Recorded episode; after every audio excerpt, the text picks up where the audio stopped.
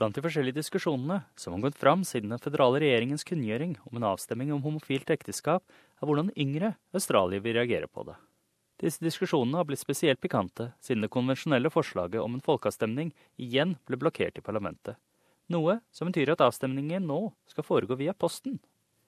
Det legger ikke bare fokus på metoden for avstemningen, men også på det bredere spørsmålet om ungdomspolitisk engasjement. Homofilt ekteskap er en problemstilling som gir sterke følelser på begge sidene av debatten.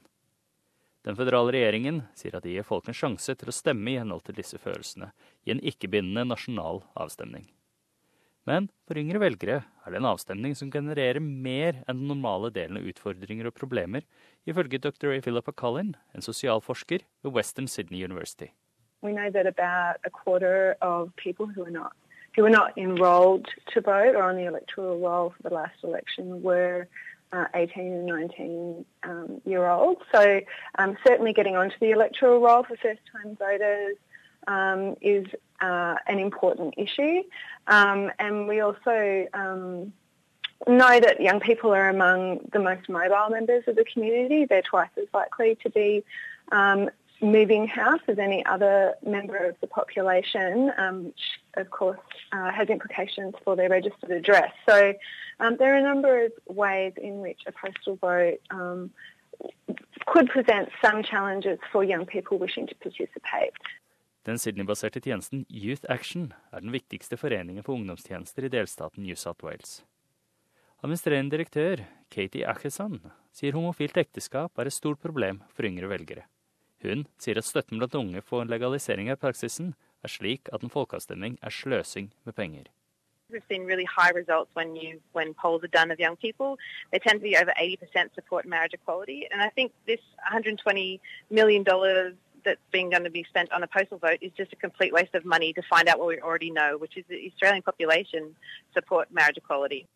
Akeson hevder at holdninger til homofilt ekteskap blant noen i det politiske establishementet er symptomatiske for et bredere problem når det gjelder politikeres engasjement med yngre velgere. Hun sier at politikere ikke tar opp saker som faktisk betyr noe for disse velgerne, og siterer det føderale valget i 2016 som et viktig eksempel. When you don't hear the issues that affect you being spoken about by the politicians who are asking you to vote for them, it's really hard to, to care about what they say. So marriage equality, climate change, um, asylum seeker policies have last at the last election came up as um, the three top issues for young people, and we didn't see politicians speaking directly to those. And actually, what we saw is a lot of people avoiding subjects that were really important to young people. Acheson sier at denne folkeavstemningen kan hjelpe politikere bedre engasjere seg med unge mennesker, og oppmuntre dem til å stemme, men mye mer må gjøres. I think it's really time this next election that's coming um, in the next year or two. I'm sure this the plebiscite and the postal vote will probably push the issue forward, but I think we need to see more young people and their issues being talked about. Forutsatt at denne folkeavstemningen overlever foreslåtte juridiske utfordringer, har måten den skjer på, fått unge mennesker til å snakke. Den avtagende bruken av det konvensjonelle postsystemet til fordel for internett- og telefonbasert kommunikasjon gjør at en stemme via Australia Post er noe ganske rart for mange yngre australiere. I haven't sent for like six years. I'm not sure I know how to send a letter anymore, to be honest. It's gotten to that point. Yeah, I don't think I've bought a stamp in a while. Yeah. So I think young people will do it just because they know it's important, but it is also kind of a bother because you have to go to so much effort to do it. So yeah, I guess it's like half and half. Hvor mange unge australiere vil gå til dette steget, og hvilken forskjell deres synspunkt vil gjøre, er et interessant delplott i denne polariserende nasjonale debatten.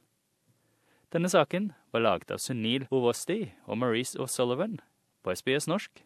Jeg er Frank Mathisen.